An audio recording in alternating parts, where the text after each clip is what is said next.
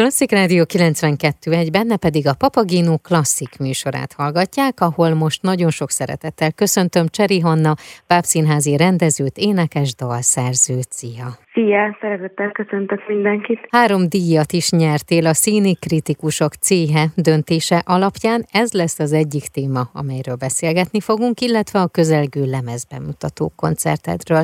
Idén 44. alkalommal adta át a Színi Kritikusok díját a Színház Kritikusok Céhe.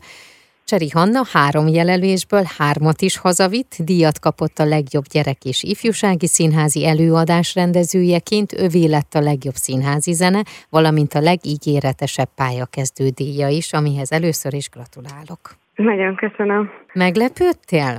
Vagy mit éreztél, amikor kiderült, hogy mi lett a végeredmény? Zavarba jöttem, és meglepődtem őszintén szólva. Egy... Nem számoltam ezzel az eshetőséggel, vagy inkább csak nem gondolkoztam rajta. Egy picit foglaljuk össze, hogy hol találkozhatnak veled, nem személy szerint, vagy hát úgy, ha énekesként, akkor igen, de nézzük a Bábszínház oldalát, jó? Tehát Bábszínházi rendezőként mi az, amihez neked között van, és mondjuk most éppen fut, és mondjuk esetleg valamik díj is kapcsolódik ehhez. Körülbelül havonta egyszer játsz a Gólem Színháza Kócos Macska Ember Kölyök című előadást, amit én rendeztem a Gólem Színházban. Azt láthatja a közönség, illetve novembertől újra, újra játszani fogja Budapest Báb Színház az utolsó bárány című előadást, amit szintén én rendeztem, ez egy karácsonyi előadás. És most rendezek jelenleg Pécsen, a Bóbita Báb Színházban, annak októberben lesz a bemutatója. Uh-huh. Lenka és Palkó a címe az előadásnak.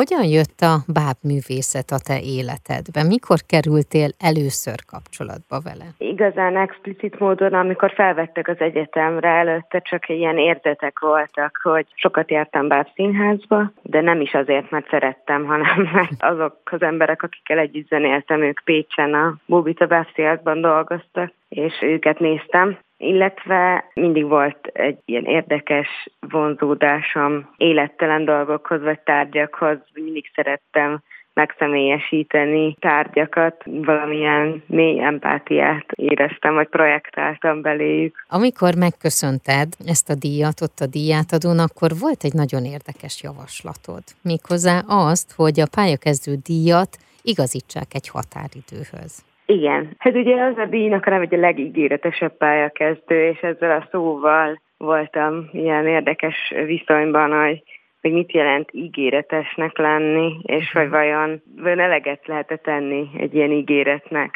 És akkor ezért mondtam, hogy talán, hogyha lenne egy határidő, ameddig be lehet tölteni ezeket az ígéreteket, akkor kevésbé lenne nyomasztó, hogy az ember nem tudhatja, hogy sikerült-e. Amúgy szerintem sokan ilyen alkotói pályán küzdünk, uh-huh. impostor szindrómával, ami azt jelenti, hogy az ember állandóan attól fél, hogy lebukik, hogy igazából nem is ért ahhoz, amit csinál, és ez művészek körében szerintem még gyakoribb, mert soha nem lehet tudni, hogy tehát nincs egy ilyen exakt eredmény, hogy most ez jól sikerült, vagy nem, hanem állandó kételyek övezik a munkát. Uh-huh. A legjobb gyerek és ifjúsági színház előadás kategóriában, tehát ahogy már említettük, a Gólem Színház Kócos Macska Ember Kölyök című előadás nyert. Itt mi volt a visszajelzés, hogy miért ezt választották?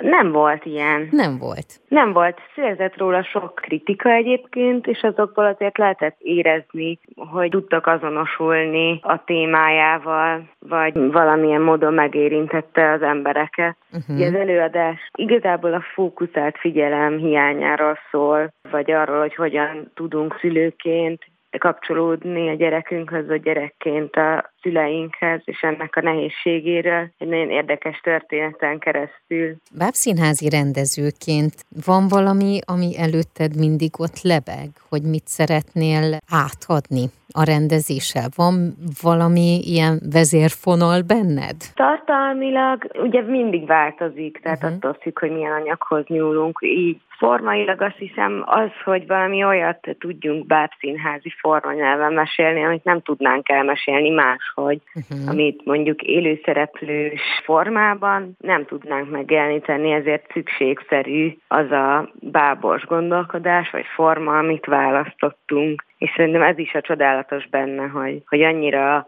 abszurd, meg stilizált, sűrített pillanatokat lehet megmutatni bábbal, ami valahogy túlszárnyalja azt, amit egy emberi test létre tud hozni. Itt a Klasszik Rádióban rengetegszer beszélgetünk a bábművészetről és a Budapesti Bábszínháznak az előadásairól, illetve ugye most volt is ilyen világtalálkozó is, és azzal kapcsolatosan is beszélgettünk, és mindig felmerül az, hogy valahogy el kéne azt oszlatni, hogy a Bábszínház az csak gyermekeknek való, hiszen itt azért ifjúsági és felnőtt előadások is láthatóak rendszeresen. Igen, ez így van. Hát ez nagy missziója szerintem a magyarországi bábos közösségnek, mert más országokban van kultúrája felnőtt bábszínházi előadásokat nézni, és itt pedig nekünk most kell megteremteni, vagy kiépíteni, de szerintem egyébként jó úton halad uh-huh. ez a misszió, vagy én, én azt érzem, hogy legalábbis Budapesten, vagy a Budapest Bábszínház sokat tesz ezért. Vidéki bábszínházaknak nehezebb dolguk van egyelőre, de én úgy látom, hogy mindenki igyekszik, vagy már egyre kevésbé övezi ezt, ez, uh-huh. a, ez a címke akkor egyre többet kell még erről beszélgetni, és akkor ez el is fog tűnni. Beszélgessünk még a közelgő lemez bemutató koncertedről. Ez az akváriumban lesz, hogyha jól tudom, és ez pedig a Kikötő című album? Igen, hát igazából nem lemez bemutató, mert már volt lemez bemutató koncertünk, de valóban a áprilisban megjelent lemezen lévő dalokat adjuk elő, október 28-án az akváriumban. Nagyon izgulunk, meg várjuk, mert ez egy, ez egy nagyobb helyszín. Reméljük, hogy zeneileg, vizuálisan is valami érdekeset fogunk tudni létrehozni. Milyen a te zenei stílusod? Hát nem tudom.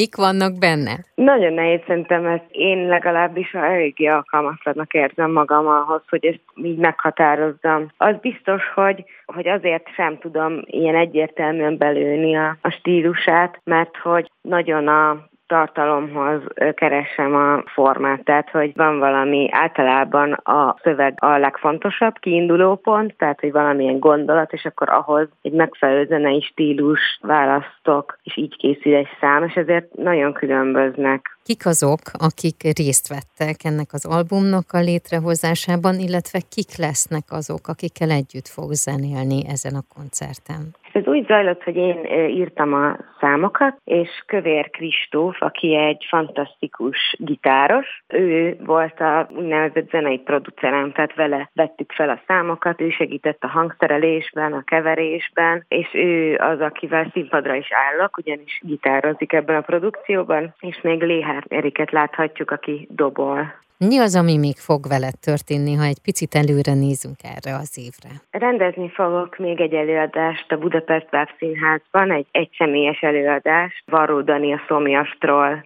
című kötetéből, úgyhogy azt nagyon várom, meg nagyon izgatott vagyok. Hoffer Károly lesz a látványtervező, és Teszárek Csaba játsza majd illetve elkezdtem, ez egy új dolog az életemben, hogy elkezdtem tanítani a Vörös Marti gimnáziumban végzős osztálynak rendezek vizsgaelőadást. Emiatt meg végképp nagyon izgatott vagyok, mert ez egy teljesen másfajta metódus, meg gondolkodás, mint egy klasszikus színházi próba folyamat esetében. Én nagyon szépen köszönöm, és További nagyon-nagyon sok sikert, sok feladatot, olyan feladatot kívánok, amely kihívás neked és örömet is okoz, és hogyha bármilyen koncert van, akkor pedig azt, hogy azt teltház előtt zajlódjon. Köszönöm szépen. Nagyon szépen köszönöm. Az elmúlt percekben Cseri Hannát hallhatták, bábszínházi rendezőt, énekes, dalszerzőt.